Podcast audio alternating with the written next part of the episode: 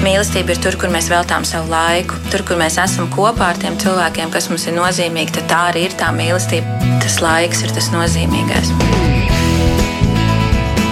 Mēs tiekamies ģimenes studijā.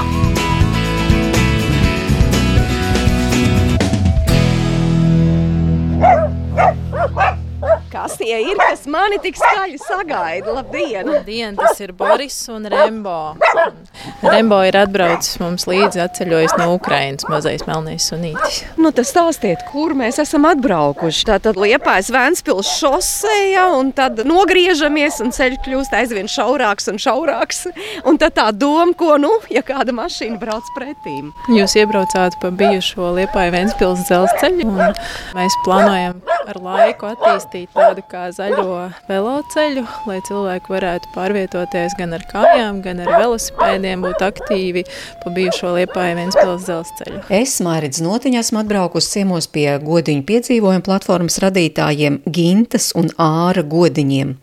Kad četrkājainie sagaidītāji nomierināti, varu palūkot, kāda tad īsti ir Gintas un Āra saimniecība. Namiņš, kurā viņi jau vairākus gadus dzīvo, saimniecības ēka, kurā divriteņu turistiem arī teltis un paklāja tiem, kuri vēlas uzkavēties, nepieciešamības gadījumā tā pārtop arī par flautu darbnīcu, vēl dažas ēkas un pats svarīgākais mešs trīs hektāru platībā, kurā godiņi pazīst katru stūrīti, jo divus gadus pašu rokām to kopuši. Kamēr mēs ar Gintu palūkojamies apkārt, Āris uzkāpj uz turpat esošās brīvdabas skatuves un spēlē paša gatavotu flautu. Un tas nav nekas neparasts. Flauta šeit skan vismaz divas stundas dienā, arī tad, ja klausītāji ir tikai putni un meža zvēri. Ārs spēlē un teica, ka flauta ārā izklausās pavisam citādi nekā tur telpās. Tā ir. Mēs arī bijām uzaicināti uz vienu pasākumu uz Iemupē, un Ārim bija jāspēlē flauta.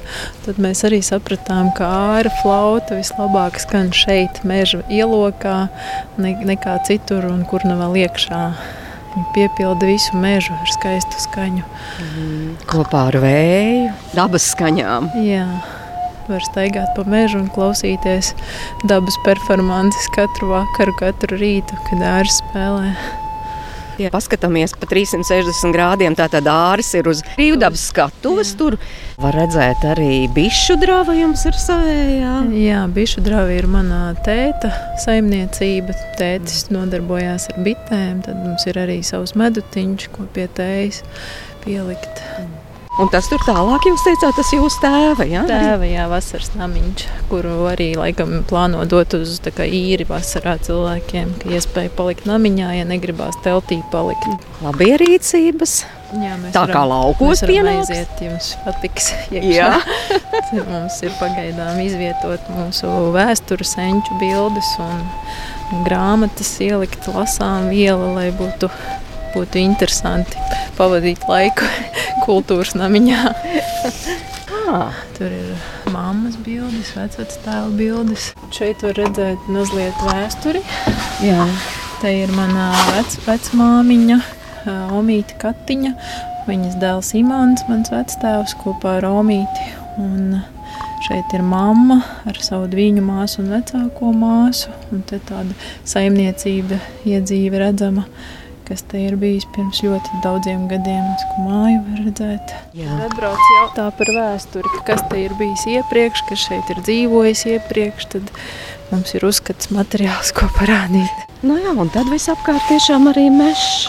Jā, mums ir divi hektāri saucamā āram zeme, un nepilni trīs hektāri ir mežiņš, kuru mēs šobrīd kopjam un cenšamies skaisti iekopt viņu.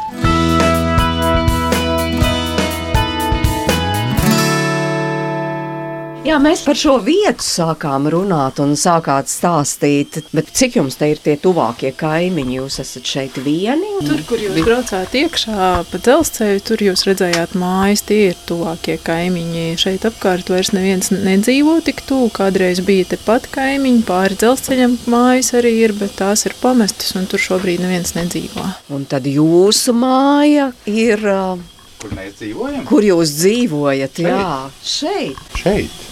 Mm -hmm. Tā cilvēkiem interesē. Tā ir vannas istaba. buduārs. Šī ir virtuve, tā ir guļamistaba, šis ir skapis, tur ir vēl viens skapis un tur ir kačigārka. Cik kvadrātmetri tie ir? Pieci. 5 kvadrātmetri Vai 5 hektāri? vai 5 hektāri. Mm -hmm. Jā, vispirms par tiem 5 kvadrātmetriem. Visiem pietiek. Gan jums, gan vēl diviem suņiem. Cilvēkam jau patiesībā daudz nevajag, un to, jo mēs ilgāk šeit dzīvojam, jo mēs vairāk to saprotam. Un, ja daba ir tūmā, tad uh, daba dod visu, kas nepieciešams. Ir. Nu Jā, varbūt es tādam nelielam ievadam varu pastāstīt, ka šī ir mana vectēva zeme. Šeit dzīvoja mans vectēvs, vecvectēvs šeit būvēja māju 1920. gados. Tur jūs redzat pamatus, tur bija vectēva māja. Un šeit ir uzaugusi mana mamma. Un uh, šobrīd mums ir dota tā iespēja saimniekot mums šeit. Un tad šī nojume būtībā tapa kā pagaidu variants, kur svinēt Ziemassvētkus.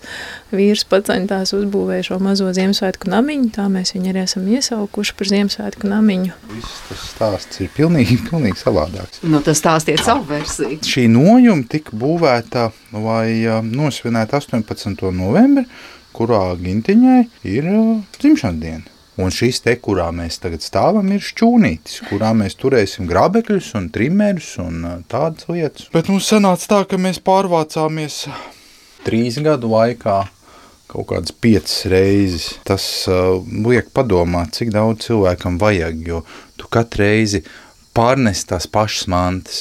Tu pat viņas neņem ārā no kastēm, tu viņas pārnes un pārnes, un tad tu sāc domāt, vai tev to vajag? Kāpēc vajag to lielo platību? Tāpēc, vai ir kur nolikt mantas. Un, uh, nu jā, nu tur tas 13. krekls, uh, pēc manas sapratnes, uh, tā mūsu patērētāja sabiedrība, kad tev uz kapī stāv 12 krekli, un tu ej uz veikalu un pēc 13. Kāpēc? Tāpēc, ka iekšēji šī sajūta, ja man būs vairāk krekli, kamēr es viņus nenovalkāšu, es nenomiršu. Un šī ir tā pieķeršanās mantām, kad ne mums viņas tik ļoti vajag nekā, bet uh, psiholoģiski tā sajūta ir, ka tad es būšu mūžīgs, bet es nebūšu. Neviens nebūs līdz ar to. Tas ir izaicinājums, kad uh, ir jāizkāp no tā komforta un ir bišķi tā kā jādzīvo savādāk, bet uh, kaut kādā dzīves momentā droši vien jebkuram sākās tādas uh, pārdomas par to, kā tas būtu nebūt. Man līdz tam, kad es pa naktīm nevarēju gulēt un tāda panika pilnīgi un tā. Un šķiet, kā no tā tikt ārā tu vari izdomāt, bet to nevar izdomāt. Tas ir uh, kaut kā jāizdzīvo un jāpārdzīvo, un tikmēr, kamēr ir šī manta un tu aizsmērē tos tukšumus ciet, tikmēr ir tāda, nu, īslaicīga sajūta, ka viss ir kārtībā, bet nav, bet nav, un, un izdzīvojot to, var nevis saprast ar prātu, bet saprast kaut kur dziļāk iekšā to savu būtību. Un, un daba, jā, daba. Jā, nu, Gint, kā jums tas ir? Tomēr atteikties no tās mantas, nu, cilvēki taču tik ļoti ir pieraduši. Mēs jau dzīvojam 21. gadsimtā, un spožums un krāšņums ir visapkārt. Tā ir grūti atbildēt, jo tad, kad mēs atbraucām uz šejieni un sākām šeit darboties, šeit bija pilnīgi džungļi. Mēs ar trimeru un zāģi ieradāmies 2019. gada nogalē un, un sākām darboties. Un es pieķēru sevi pie tā, ka man ir grūti aizbraukt prom no šīs vietas, jo man bija asaras. Ārs man prasa, kāpēc tu raudi. Jo man liekas, šī ir tā vieta, kur man ir jābūt. Es nezinu, vai tas ir ar senčiem saistīts. Nu, nekad iepriekš es nebiju par to domājis, ka es varētu šeit atgriezties un mēs varētu šeit kaut ko darīt. Un tā mēs pieķērām sev pie tā, ka patiesībā šeit ir tik labi, ka nekas netrūkst. Nu, varbūt no sākuma likās, ka gribētu sev lielāku virtuvi un cepešu krāsnī, un man patīk kaut ko garšīgu pagatavot un pārsteigt citus un iepriecināt. Bet ar laiku tu saproti, ka patiesībā jau viss kā ir gana, kas nepieciešams ir. Tad tās lietas, bez kā tiešām nevar iztikt.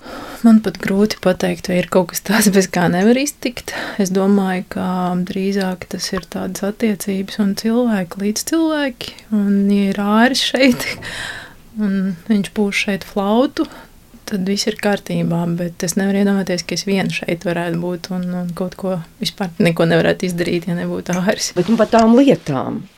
Jo cilvēkiem šķiet, ka nu kā, kā bez lietām vispār dzīve nav iespējama. Jā, mums dažādi cilvēki ir bijuši atbraukuši ciemos un braucot mājās, viņi apspriež, kur viņi glabā drēbes, kur viņiem ir skapis, tad ārs uztaisīja plauktus, mums ir kur drēbes glabāt. Tad cilvēki spriež par to, ka duša prasās, bet mēs esam pieraduši iet pirtī. Patiesībā pirts ir tik forša un tik svētīgi gan miesai, gan garam. Tāpēc man tā grūti ir vispār pateikt, kas man pietrūkst. Nu, mēs braucam vai nu pie vecākiem, vai uz liepāju veļu izmazgāt, piemēram. Varbūt tas ir, nu, bet mēs arī mēģinam te ar rokām mazgāt citreiz, tā kā senos laikos mani senči ir mazgājuši ar rokām veļu, un tad ir tāda gandarījuma sajūta, ka tu esi ieguldījis savu darbu, kaut ko paveicis, Un tā nu, arī tīrot mežu, ka mēs paši saviem spēkiem tīram mežu, un mēs staigājam un priecājamies, un pavasarī uzzied vīzbulis baltās, viss mežs kā baltām zvaigznītēm piesēts. Un tas gandarījums ir neaprakstāms. Nu, iepriekš tā kā nemaz nevar tā izdomāt to, ka tā varētu būt. Tāpēc man par to mantu grūti spriest. Man, man ir ļoti tā bēdīgi, varbūt nedaudz skumji, kad uh, es braucu uz veikalu un iepērku veikalā pārtiku un uh, paliek pāri atkritumi, tā kā plasmas arī, nu, man uh, tas tā skumdina sirdi, man gribētos tā vēl, ka mēs varētu paši arī, nu, varbūt kaut ko radīt, audzēt, nu, lai pēc iespējas mazāk būtu jāpērk veikalā ar visiem iepakojumiem pārtika un, un tas vēl tāds, nu, varbūt nu, uz priekšu tā tāds mans mērķis, kā, kad mēs varētu iemācīties dzīvot tiešām no dabas vairāk. Bez pārtiks tiešām nevar, bet leduskapis taču arī jums nav, vai ne? Re, kur ir, bet tas ir skapis, tas nav leduskapis. Mums ir saules bateriju sistēma modernākā Baltijā, bet uh, manas uh, kļūmes dēļ viņa pērn 18. novembrī aizdegās. Un mēs esam šo ziemu pavadījuši šeit bez elektrības. Tas tā, nu, cilvēkiem šķiet, kā mums ir benzīna ģenerators, ja kādreiz akūti vajag pievādēt telefonu vai datoru, tad var ieslēgt uh, ģeneratoru un tā, bet, uh, bet tas ir skapis, jā, tur vienkārši glabājās pārtika. Nu, kā skapī glabājās pārtika? Kādreiz bija pieliekamais, tas ir mūsu pieliekamais. Nu jā, bet tas ir nākamais etaps bez elektrības tagad. Iepriekš bijām bez elektrības. Mēs uzrakstījām tādu projektu, un projekta ietvaros mēs ielikām arī saules baterijas, saules bateriju sistēmu, un tad mēs pie viņas tikām tikai pagājušā gada pavasarī, vasarā kaut kad vasaras Vakarā sākumā. Priecājāmies par elektrību, un tad viņa arī beidzās. Tā. Bet nu, mēs esam ceļā un ceram, ka aprīlī būs rezerves daļas, ka varēs savest kārtībā, un mums būs atkal elektrība, cerams. Kā ir bez elektrības? Tomēr tas bija tas gada tumšais posms, tas bija rudens, tā bija ziema. Vienā mirklī mans tēvs man teica, viņš ķekavā centās kaut ko līdzīgu darīt, bet vairāk tā kā ar govīm un tā. Viņš saka, tā, ka es tur ņēmos, viņš saka, tieši tas pats ziema, tas tumšais periods ir ļoti depresīvs, ļoti depresīvs. Bet es reku, izmantoju laiku iederīgi un zīmēju bumbulīšus Kad gadu atpakaļ es skaitīju, ka es esmu uzzīmējis kaut kādus 40 tūkstošus bumbulīšus, bet eh, nu jau būs vairāk. Un kas ir tie bumbulīši? Tās ir dziesmas, ko es spēlēju. Šī ir mūsu meža lazda, un eh, tā ir vecās mātes no sēkliņas stādīta abele, un šis ir viens no nokautušajiem zariem. Pārtapis par flautu. Jā.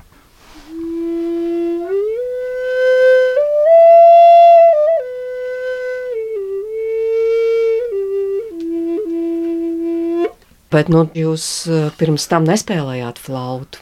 Es neesmu dziedājis, es neesmu spīdzināts mūzikas skolā.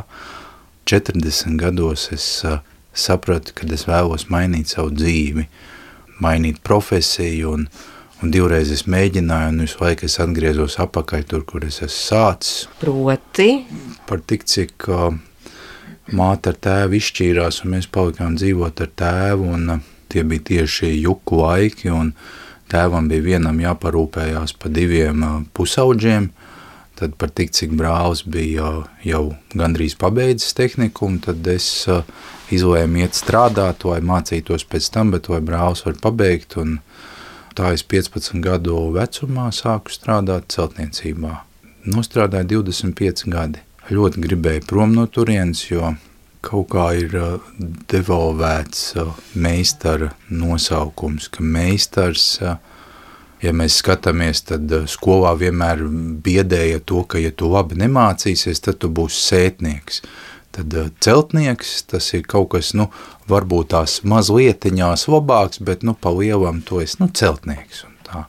Un man vairs negribējās, es esmu visu iemācījies, ko es varēju iemācīties, es varu uzbūvēt visu, bet es vairs negribēju. Es gadu ogrē pabūvēju trīs riteņus priekš cilvēkiem ar kustību traucējumiem, ar lieko svaru, tādus tā kā guļošos trīs riteņus.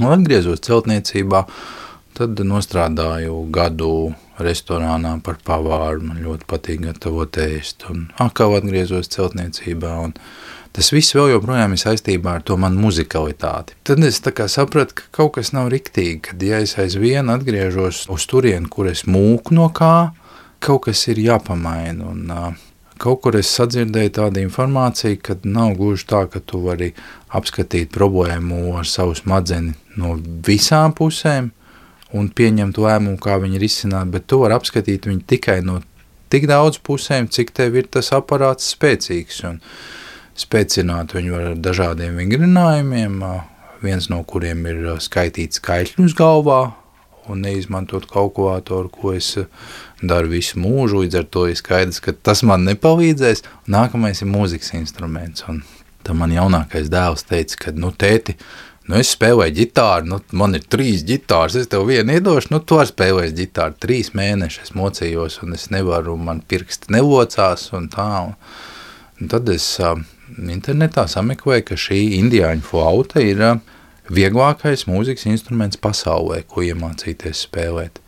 Tad es izgudroju pats savu nošu pierakstu, lai man ir vieglāk spēlēt un, un sāku mācīties. Tam visam paralēli kaut kā arī tā dzīve sāk mainīties. Un, nu, nu, es nezinu, vai es esmu ticis tālu prom no tā, no kā es muku, jo es vēl joprojām kaut ko daru.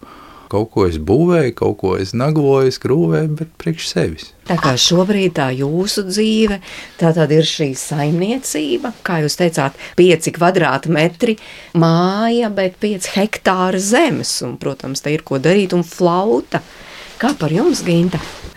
Ar mani ir tā, ka es esmu dzimusi, augusi Liepājā, Liepājas meitenē, kura daudzus, daudzus gadus darbojās un kalpoja sociālajā jomā, bērntiesība aizsardzības jomā un ar pieaugušiem cilvēkiem esmu darbojusies, esmu centusies popularizēt brīvprātīgo darbu Liepājā, tad, kad tas vēl nebija populāri, man bija tā sajūta, ka man tā kā pašai ģimene nav paredzēta, kad es tikai eju un, un palīdzu citiem, un par sevi varbūt reizēm nedaudz piemirstot vai aizmirstot. Un tad pienāca tāds brīdis, kad Dievs man dāvāja vīru ar diviem dēliem uzreiz. Kā, tad, kad mēs satikāmies, iepazināmies, puikām bija jau 8 un 10 gadi. Iebruka manā dzīvē, un es, es parādījos viņu dzīvē. Tad mēs pārcēlāmies uz Rīgu, jo Āris ir Agents Kalna puisis, uzaugusi Agents Kalnā. Tā mēs kādu laiku dzīvojām Rīgā nonācām līdz tam, ka mēs gribētu kaut ko mainīt, kā jau Vārs pieminēja, kad uh, doties prom no celtniecības, jo viņam arī veselības problēmas, kuras neļauj ilgāk strādāt celtniecības jomā, un, un arī man gribējās kaut ko mainīt. Man likās, ka es varbūt esmu jau izsmēlusi sevi sociālajā jomā, ka tas, ko es daru, nav liederīgi un vairs nepalīdz cilvēkiem. Tas Un tad man likās, mēs varētu dot un dalīties ar to, ko mēs paši esam pieredzējuši, radīt vairāk prieku un būt dabā un dalīties dabā ar to, ko mēs protam, ko mēs zinām, ko mēs esam piedzīvojuši. Jo mēs katru vasaru ar laivām gaujojām ar puikām un, un citiem radu bērniem līdzi. Un, Un ārs garšīgi gatavo ēdienu uz ugunskura, un mēs ar riteņiem daudz braukājām un ceļot, un tas viss mums patīk, un mēs domājam, kā mēs varētu dalīties ar to. Un tā tapa godiņu piedzīvojuma platforma. Tapa Ukrainas vidū. Mēs tādā dzīves momentā, kad sapratām, ka kaut kas ir jāsāk mainīt, pārdevām visu, kas mums bija, nopirkām kemperi un braucām pasauli skatīties pamatmērķis bija par tik, cik gintiņai tēvs ir Ukrainas, un viņai ir arī šādi tādi radi vēl. Ukrainā. Tad pamatmērķis bija braukt uz Ukrajinu, bet vai tas kultūras šoks mums nebūtu tik liels, tad mēs tā kā no sākuma par Eiropu un tā, un tad mēs iebraucām Ukrajinā. Viņiem tur ir tāds slavens cilvēks, es gan nepateikšu uz sitienu, kā viņu sauc, bet nu, tāds modernās ukraiņu valodas pamatlicējs, un tur ļoti skaista vieta upes krastā, jā, pie Donavas. Un tur mums bija ļoti tāda dziļa krīze, un es esmu cilvēks emocionāls, man grāmatvede ir pilnīgi savādāk. Viņai patīk salikt lietas uz papīra un tā, un tā viņa apsēdās tur šī te lielā cilvēka monumenta apakšā, tur ļoti, ļoti skaista vieta. Un rakstīju uz papīra, ko mēs protam un kas no tā var sanākt, ko mēs varam izdarīt ar to resursu, kas mums ir. Un tā nu tur radās šī ideja, jā. Tad mēs vēl bišķi pavizinājāmies, tad mēs braucām mājās. Nu jā, bet par šo ideju. Tātad jūs jau tā vispārīgi raksturojāt, ļaut cilvēkiem saprast, cik labi ir dabā, cik labi ir atpūsties dabā, nu bet ko jūs esat ielikuši zem šī godiņu piedzīvojuma platforma? Tā kā Āris jau teica, mēs uzlikām sākotnēji uz papīra savus resursus, savus plusus, mīnusus, riskus visādus izvērtējām. Un dzīme ideja par piedzīvojumiem, par cik mēs godiņi, tad godiņu piedzīvojam. Un ņemot vērā, ka šeit ir dzelzceļš, tad tā, tā platforma arī dzīme ideja. Bet es pieļauju domu, ka mēs sākotnēji vispār neapjautām, kas mūs šeit sagaida, kā tas viss virzīsies, kā tas viss attīstīsies. Arī cilvēki, kas atbrauc vai atnāk uz šejienes, viņi arī savu ievirzi dod tajā visā. Jo bieži vien mēs dzirdam, jūs šeit esat kā dieva ausī, vai arī izkāpja cilvēki no mašīnas, atbraukuši no Rīgas. Pie jums šeit ir tāds miers, un tas ir tas galvenais, ko mēs arī paši cenšamies dzīvot šajā mierā un saskaņā. Un, ja cilvēki var atbraukt, izkāpt un teikt, kāds miers, tad liekas, ka tas mērķis ir pareizais, tas virziens. Un arī tas, ka uz ugunskura mēs gatavojam, āris gatavo ēdienu garšīgi un skan flautu skaņas mežā. Un, um, ka var ar riteņiem atbraukt pie mums. Mums arī projekta ietvaros ir desmit velosipēdi, kurus var noīrēt un ar ģimeni, ar bērniem izbraukt tuvāko apkārtni, atgriezties atpakaļ. Mums ir teltis, guļam maisi, piepūšamie paklājiņi, kur var arī nonakšņot pie dabas un mosties no rīta ar, ar, putnu skaņām. Un, un man liekas, tas ir tā neaprakstāmi arī tas, ka var pirtiņā nopērties un nopeldēties ar ceriņiem noperu cilvēkus, tad, kad zied ceriņi nu, tādā rimtā mierā mēs cenšamies šeit būt. Jā, es tikai gribēju jautāt, vai mums pašiem izdodas to mieru izbaudīt, jo nereti ir cilvēki, kur, piemēram, dzīvo pie jūras, un tad citi brauc tur lielu gabalu, un tie, kas tur dzīvo blakus, saka, ai, nu mums jau vispār neiznāk laika, mēs tā esam pieraduši pie tās jūras, neiznāk laika īsti tur aiziet. Oh. Dotā mirklī mums ir tāds periods, ka mēs pabeidzam tīrīt mežu, Un tad mēs visu dienu plosamies, un tas ir diezgan smags darbs. Un, nu, protams, kurās uguns, kur citreiz kurās pa četriem vienā laikā, un uh, vācam lapas, un vācam zarus, un tā, un tā vakarā tā kā iet saulīt, tad es paņemu flautu, nu, mēs pie tā siltā uguns, kur vienkārši pasēžam un paēsam. Un, uh, nu, nekā cita jau nav, kā tikai viens mirklis. Un, uh, Ir mirkļi, jā, ir mirkļi, kuros izdodas būt mierīgam. Pašam iekšēji liekas, ka nekas nav mainījies, kad es aizvien turpinu skriet un tā, bet uh, regularitāte, ar kādu es no meža izēju, ir uh, nu, iepājā pa pērno gadu es esmu bijis varbūt reizes četras, Rīgā varbūt reizes astoņas. Kā tur, tā tur, aizbraucot, man ir sajūta, ka es vienkārši vairs netieku līdzi, visi skrien, visi kaut ko ķer un grāb. Es vairs tā nedaru, bet uh, pašam iekšā ir sajūta, ka es varētu būt vēl mierīgāks. Jā, jā. Es varbūt varu vēl nedaudz āri pakomentēt, jo āris ir pilnībā nošķīries šobrīd un dzīvo šeit mežā. Ja es pa dienu dodos vēl uz darbiņu un esmu tā kā cilvēkos, ja tā var teikt, tad āris ir vairāk viens pats šeit mežā ar suņiem, darbojās, spēlē flautu Un um, arī redzams tās izmaiņas, kas viņā notiek, lēnām tie procesi, kas iekšēji notiek, kad viņš ir palicis mierīgāks un nododās tam, ko viņš vēlas darīt. Uh, flautas spēlēšanai viņš dienā spēlē pār pa divām stundām. Un, uh, ap simts dziesmām gan arī nu, pat jau no galvas ir iemācījies, var spēlēt. Man šķiet, tas ir apbrīnojami. Tas ir tiešām apbrīnojami, ka cilvēks 40 gados var kaut ko tik apņēmīgi ņemt un darīt un nepadoties. Jo man liekas, ka es jau sen būtu padevusies ārvietā. Nu, vai tas darbiņš, ko jūs darāt? Es esmu, diemžēl, atgriezusies jā, nedaudz atpakaļ sociālajā jomā. Šobrīd uh, strādāju Dienvidu kurzemes novada bāriņu tiesā. Pāvilos, tas Vērgals un Sakas teritorijā. Strādāju ar ģimenēm, ar bērniem un visādiem gadījumiem. Jūs teicāt, diemžēl. Mēs pieņēmām lēmumu doties projām un darīt kaut ko citu, mēģināt darīt kaut ko citu, bet jā, es esmu atpakaļ šobrīd un godīgi sakot, arī izbaudu to, ka es varu izmantot savus iepriekš iegūtās zināšanas, tā kā tādu pieredzi, varbūt arī dalīties tajā. Un ļoti priecājos, ja izdodas kaut kur liederīgi pielietot savas zināšanas, un kad ir redzams kaut kāds rezultāts tam vai kaut kāda darba augļi, tad ir tāds gandarījums un prieks. Nu, vai tas ir tomēr tāds finansiālais aspekts? Tas jums tomēr lika atgriezties. Nu, jā, lauka turisms, ziema. Covid. Covid jā, kas mums arī ļoti skāra un ietekmēja. Un, jā, tas bija piespiedu kārtā brīvprātīgi, ja tā var teikt, atgriezties atpakaļ. Es klauvēju pie daudzām durvīm, bet atvērās tās pašas sociālās jomas durvis. Bet nu Ginta neienes nemieru tad jūs šajā mierīgajā salā, tā teikt? Mēs esam ļoti dziļā līdzsvarā. Tuvojās pasākums, un viņi skraida tā kā sadegusi. Un, un šis pasākums nu, būs vienreiz no tas pasākums, kurā viss aizies greizi. Kur es staigāju tik mierīgs, kad liekas, ka viņi būtu gatavi man piekaut.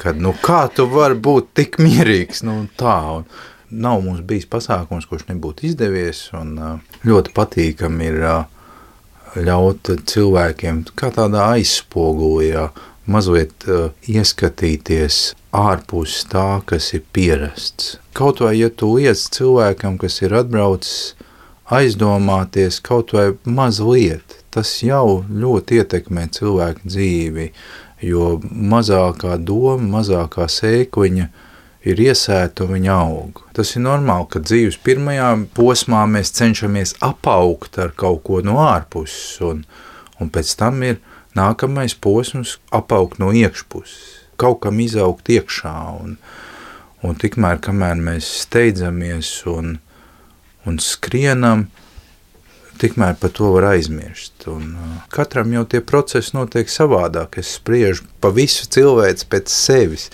bet uh, Man šķiet, ka tas ir ļoti svarīgi.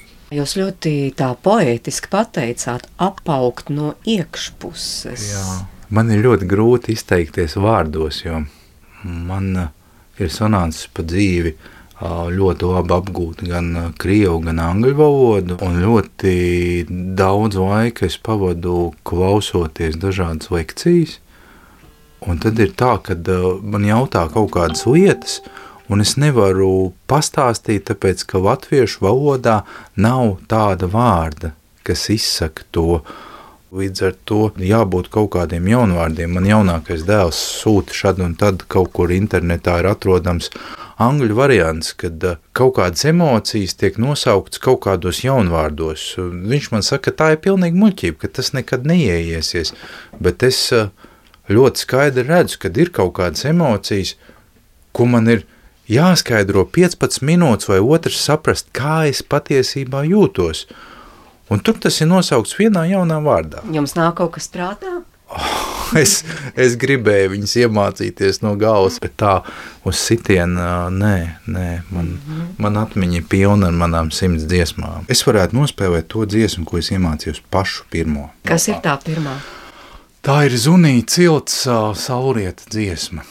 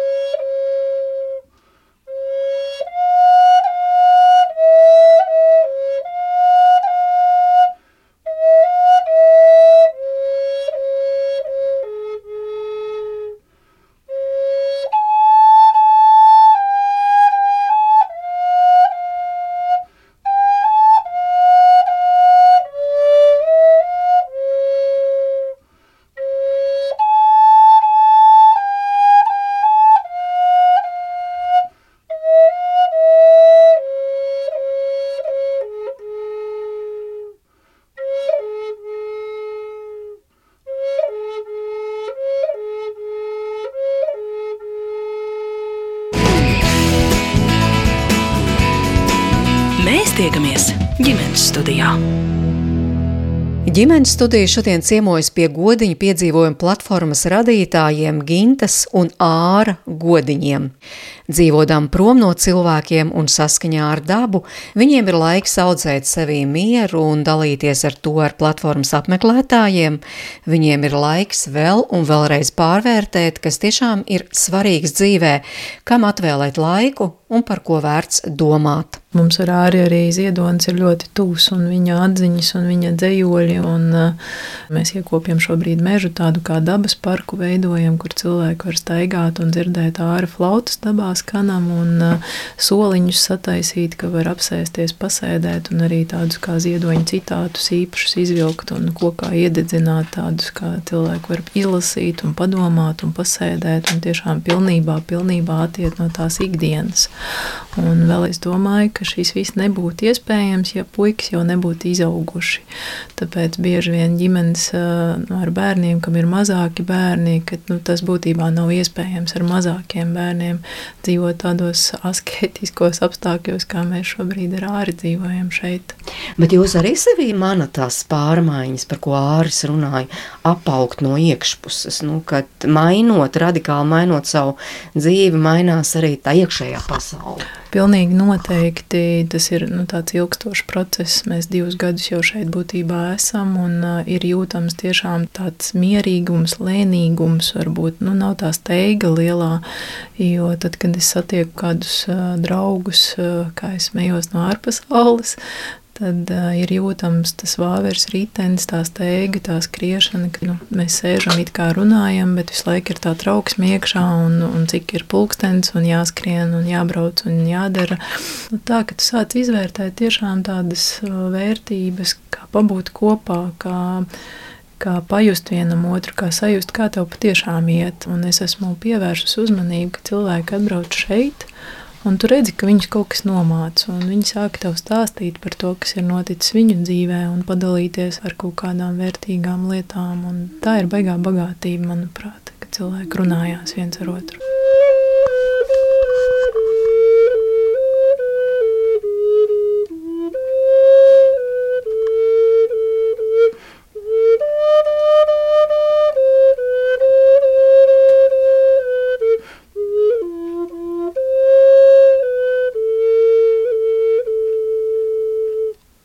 Mūzika arī ir valoda. Grūti ir uh, pastāstīt par to, ko nozīmē šī spēlēšana. Kāda ir tā sajūta, kad tu spēlē un te pat zem ozo četras stīrnes uz tevi skatās. Un nemūk projām. Un tā man te bija viss ziema putniņiem barotavu.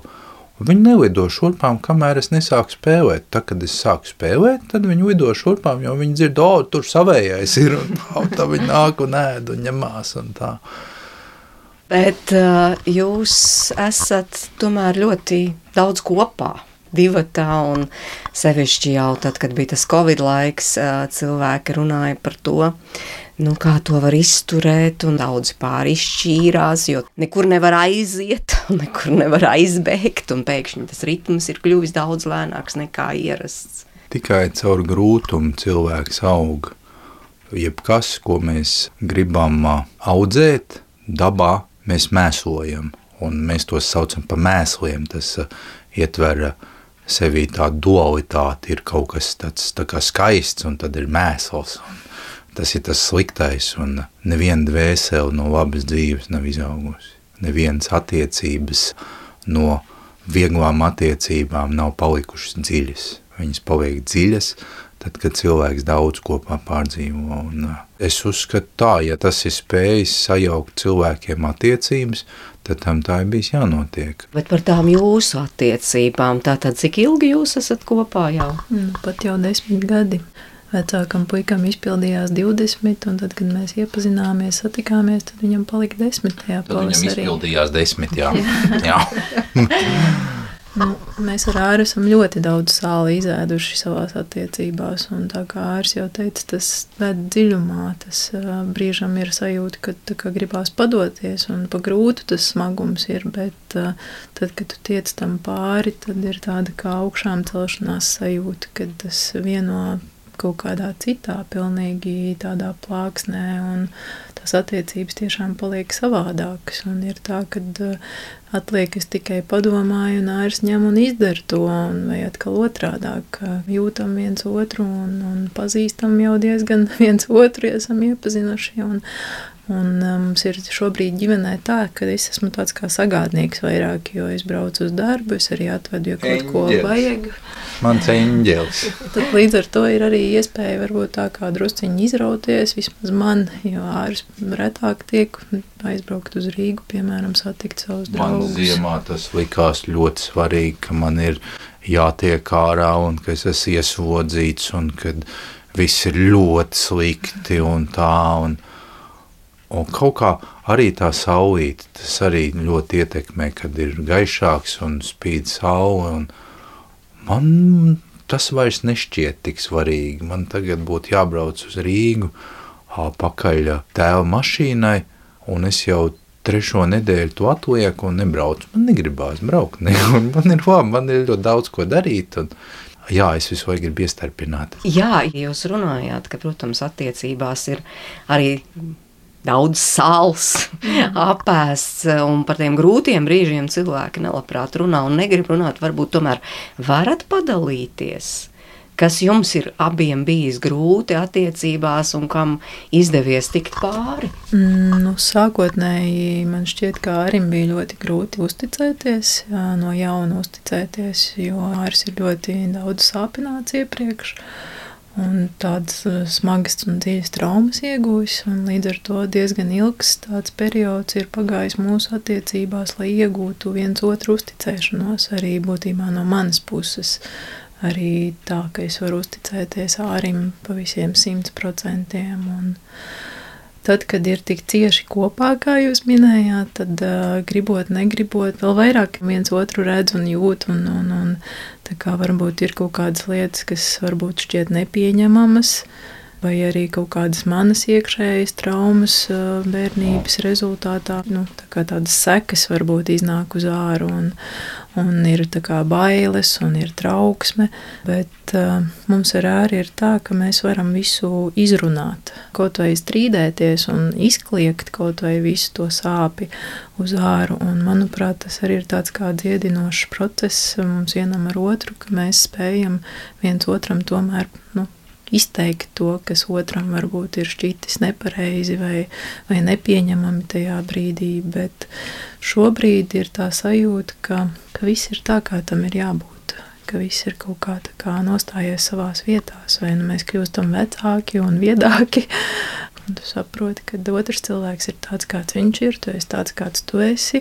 Un neviens nav ideāli šai pasaulē nācis un perfekts. Mēs nākam, lai mēs mācītos. Un visgrūtāk ir mācīties attiecībās. Mm -hmm. Viss ir ļoti atkarīgs no skatu punkta, kā skatās. Tā kā dzīvo tik cieši kopā un uh, tas periods, kad mēs abi divi visu laiku bijām šeit uz vietas un ziemā bija ļoti daudz lietus un nevarēja neko ārā arī ļoti padarīt tad tu ļoti cieši ieraugi tos mazos sīkumus, kas kaitinā. Un, bet, kad tu aizdomājies, kad kādreiz pienāks tas mirklis, ka mums būs jāšķirās, un viens noteikti aizies agrāk, tad tie mazie sīkumi, kas kaitinā, būs tās atmiņas, kas būs pa to otru cilvēku palikušas. Un viņi ir forši tie sīkumi tādi, nu, un tad beigās tu sāc nevis tā kā aizrādīt tā ļoti nopietni, kāpēc tu tā?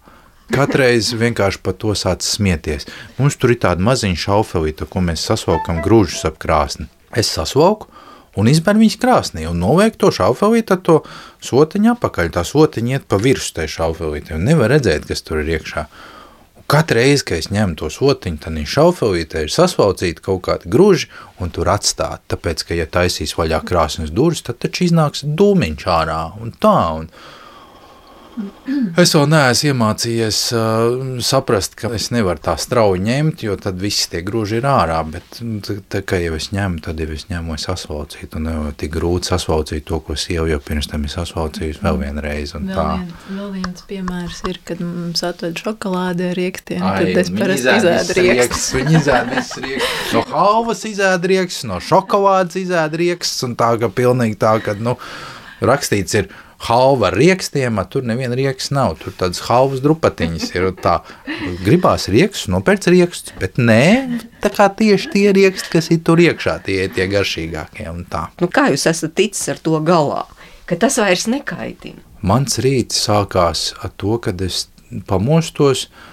un es nedrīkstu strauji celties, man ir jānoskaņojās, man ir jāatrod kaut kas ļoti pozitīvs, un tad, ja es iekšā jūtos labi, tad tas, kas no manis nāk ārā, tas arī ir labs. Šis salīdzinājums par apelsīnu, kad, ja tu saspied apelsīnu, tad no viņa tek ārā apelsīnu sula. Un tu viņu var spiest, cik stipri tu gribi, nekad netecēs ābolu sula. Un, ja tu saspied mani, un no manis ārā nāk dusmas, tad viņas nāk ārā tāpēc, ka viņas ir iekšā ja es sev noskaņoju, ka manī iekšā ir prieks un mīlestība, tad tu vari spiest man, cik tu daudz gribi, bet nenāks ārā dusmas, jo iekšā viņa nav. Ginteņi man lieciniec, viņi zina, ka es neesmu ne tuvu pat varbūt pusceļā uz šo, bet šī te pati atziņa, ka nedrīkst turēt iekšā sevī šādas emocijas. Nu, bet jums ir laiks noskaņoties, te ir tomēr tā cita dzīve, jo ja ir jālec nezinu, sešos, un darbā jābūt septiņos, mm. tad vienkārši nu, nav tā iespēja tā sevi nu, tagad par to vispār tie, padomāt. Tie, tie ir visi māņi. Ja mēs vakarā ejam gulēt, tad pievēršam uzmanību, cik sarežģīti ir vakarā aiziet gulēt. Vēl gribās to, un vēl gribās varbūt kaut ko pastīties. Vienalga vai internetā, vai teļukā, vai ko, un ir ļoti grūti aiziet gulēt aizej gulēt 15 minūtes agrāk, un no rīta tev būs 15 minūtes. Bet jums te nav kārdinātājs, televizors kārdinātājs. Mums te televizors nav. jau nav Mums nekad, nekad nav, nav bijis. bijis nekad nav bijis televizors. Mums ir bijis tik piepildīts tas laiks ar puikām, pavadot gan ar riteņiem, ar, ar pārgājieniem, ar, ar laivošanu. Visu laiku ir kaut kāds bijis nu, kustība ārpus mājas, ārā dabā. Un, nu, āris ir ārā cilvēks, viņš ir dabas cilvēks. Mums nav bijis laiks sēdēt, skatīties televizoru, un nav arī tāda īsta interese pat. Nu, redzēt, daudz kas negatīvs ir, un tikai tā ietekmējies negatīvi no tā, ko tu redzi. Un, un man liekas, ka mēs varam dot vairāk prieku, ja mēs paši esam tādi piepildīti ar prieku. Tiešām pasaule šobrīd ir, nu, nu, es teikšu, citāda nekā pirms kāda brīža. Jā. Vienīgais tas, ka šobrīd saistībā ar darbu nu, man ir jābūt lietas kursā saistībā ar Ukraiņas notikumiem, un mums arī ir ģimenes ar bērniem, kur ir arī jāpieslēdzās un jādarbojas. Un satraukums ir liels arī dēļ radiniekiem Ukrainā, un tāpēc arī nu, mēs tā esam lietas kursā par to, kas notiek. Bet uh, lielos vilcienos mēs uh, nesakojam līdzi, kas ikdienā notiek, jo viss tik daudz kas mainās, un tā informācija ir tiešām ļoti, ļoti liela un milzīga, un viņa visu laiku mainās. Tas vairs nav aktuāli, ir atkal kaut kas cits, un man liekas, cilvēks tā kā varbūt pat piesārņo sevi visu laiku uzņemot to informāciju sevī. Un, es, ne, es nepateikšu, kuram vai Remarkam vai Vonegūtam vienai no grāmatām ievadā bija šī te lūkšana. Dievs dod man prātu, saprast, ko es varu mainīt, saprast, ko es nevaru mainīt, un atšķirt vienu no otra. Es mainu to, ko es varu mainīt, un mans pienesums varbūt šķiet mazs, bet ja es tiecos uz gaišumu un labestību, tad tas potenciāls ir tāds, ka cilvēki, kas ir man apkārt, arī to sajūt, Un tas nenotiek tā uz sitienu, bet uh, no fizikas viedokļa mēs visi esam vibrācija. Un ja es vibrēju bez šī piesārņojuma, tad tā tendence ir, ka tas, kas man atrodas blakus, vibrēs tāpat. Dotā momentā es uh, pie līdz cilvēkiem redzu, kad ir tendence skatīties šo te visu, kas notiek Ukrainā. Tas ir briesmīgi, es atzīstu, ka tas ir briesmīgi, bet uh, mēs tikai turpinam to vibrāciju ka ja mēs esam dusmīgi par to, kas tur notiek, mēs nevairojam labestību. Tas neko jaunu nerada. Tas tikai turpina šo te. Tas arī kurina naidu, manuprāt, starp cilvēkiem, kad nostājās ieņem puses. Tāpat arī ar Covid bija, kad kuri par, kuri pret vakcinēšanos šobrīd ir, kuri par Putinu, kuri pret Putinu. Tas kurina naidu starp cilvēkiem, un tas ir patiesībā ļoti biedējoši, ka cilvēki savā starpā kā imiņu vai draugi var izjukt attiecības šiem te atšķirīgiem krasiem viedokļiem. Tā kā jābūt, man liekas, ļoti uzmanīgiem cilvēkiem. Jābūt ļoti, ļoti klātesošiem un uh, apzinātiem, jo, nu, sauksim par varas rīcībām, ļoti viegli ir sekot šim. Ja mēs skatāmies, kādā veidā varēja fašisti iznīcināt ebrejus. Pirmais, kas ir jāizdara, tev tas, ko tu vēlies iznīcināt, ir jāpadara pa necilvēku. Un šī gadījumā nu, ļoti vienkārši nostāties vienā vai otrā pusē, un tad tie otri nav cilvēki. Viņi ir cilvēki. Viņi ir cilvēki, viņi arī grib dzīvot, viņi arī grib mīlēt. Ja viņam nav izdevies dzīvē to iemācīties, ļoti retos gadījumos, es pat nezinu, vai vispār kādos gadījumos, var vainot individu. Nu, jo tev notiek kaut kas, ko tu nevēlies, jo tu vairāk esi sāpināts un tev nav varbūt apkārt kāds, kas tev var no tā izvilkt ārā, jo tu vairāk kļūsti sabiedrībai tā kā pretējais pols, bet tā jau nav, ka tu neesi cilvēks. Tu arī esi cilvēks, tu arī mīli. Nu jā, bet es domāju, vai var, piemēram, kaut vai Ukrainas situāciju jūs pieminējāt, un jūs arī teicāt, tas nav tā, ka kaut kur Ukrainā tur jums ir tuvu cilvēki, jūs tur esat bijuši, pat šī ideja par godiņu piedzīvojumu platformu radās tieši tur Ukrainā, vai var tagad redzot, kas tur notiek, nu tā neitrāli, nu tā vienkārši domāt, nu visi jau ir labi cilvēki un tā. Nevar neitrāli, viennozīmīgi nevar, jo man ir arī sakari ar, ar māsīti, kur ar bērniem slēpjas jau ilgstoši augstā pagrabā, un mēs sazinamies un visu laiku domājam, kā dabūt viņus no turienes ārā, jo nav droši pārvietoties ar bērniem.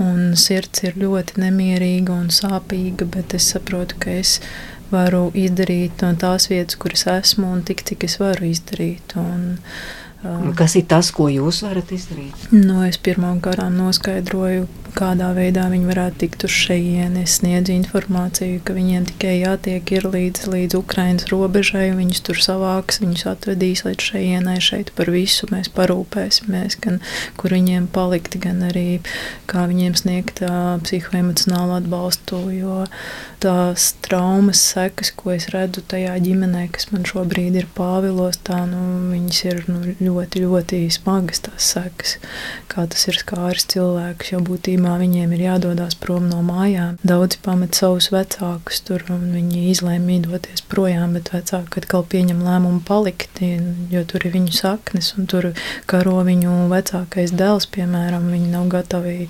atstāt, pamest un doties projām. Ko nozīmē nostāties kaut kādā pozīcijā vai ko? Ja mēs uh, vērojam cieši savu prātu, tad mēs nevaram domāt divas domas reizē. Katrā mirklī mēs varam domāt vienu domu, un tā vietā, lai domātu nosodošas domas un naida pilnas domas, mēs varam domāt, ko mēs varam darīt, kā mēs varam palīdzēt. Tas nav tā, ka palīdzēt tikai tagad Ukraiņiem. Tas ir palīdzēt tam, kuram tu dotā mirklī vari palīdzēt, jo tu veidot ap sevi Un, ja tev izdodas izveidot ap sevi, tad tas ir tā kā, kad tu iemet akmenī ūdenī, kad eh, aiziet tie riņķi apkārt un ietekmē katru nākamo, un nākamais arī tā kā dara kaut ko vai palīdzēt, un apzinātība, apzināties savas domas un neļauties šim te uh, naidīgumam. Nu jā, es arī vēl gribētu papildināt, ka būtībā tā kalkuta jau mums katram ir pašam apkārt. Varbūt, kad uh, daudz cilvēku varbūt garīgi izaugsmēji vēlas doties uz Āfriku un kalpot uh, nabadzībai un trūkumam, bet patiesībā jau tepat apkārt mums arī ir nabadzība un trūkums un daudz ģimenes, kurām nav ko ēst un kurām nav kur uh, normāli dzīvot normālos apstākļos un ka tiešām atrast katram to savu kalpošanas veidu, kā es varu būt noderīgs tajā vietā, kur es esmu un tajā brīdī, kad es tur esmu. Man liekas, ka nu, tas ir svētīgi. Nu, bet vai tas kaut kādā ziņā tomēr neizsit no tā miera un no tā līdzsvara?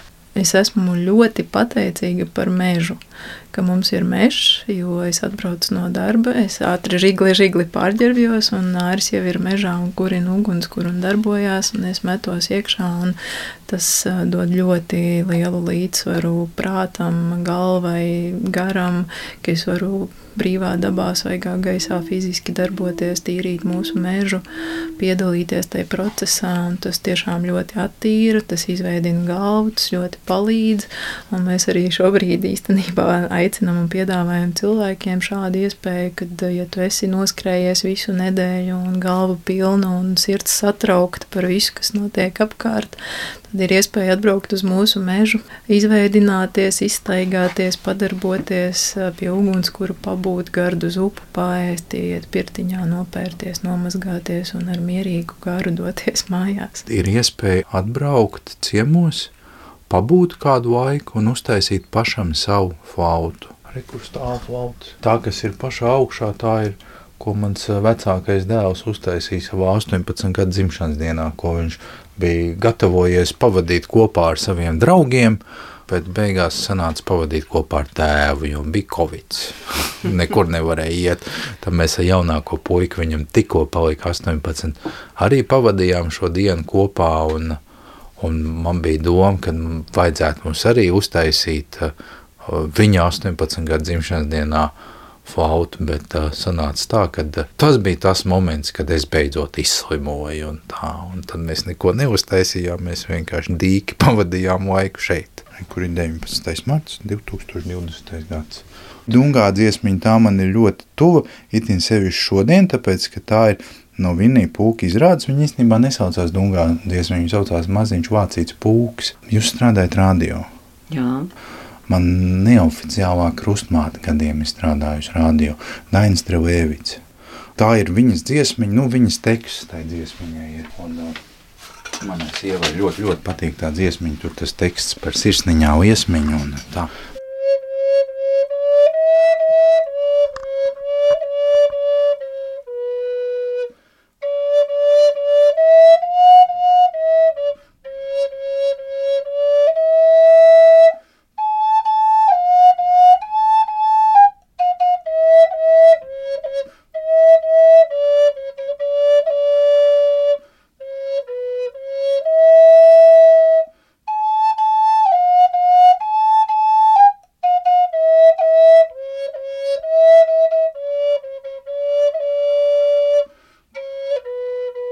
Paldies par šo mirkli. To saku es, Mārķis Noteņa, arī visa ģimenes studijas komanda, Ilze Zvaigzne un arī Nora Mitspapa. Paldies, es saku Gintei un Ārim Godiņiem. Tātad godiņu piedzīvojuma platforma. Vērgales pagasts Dienvidu kurzemes novads.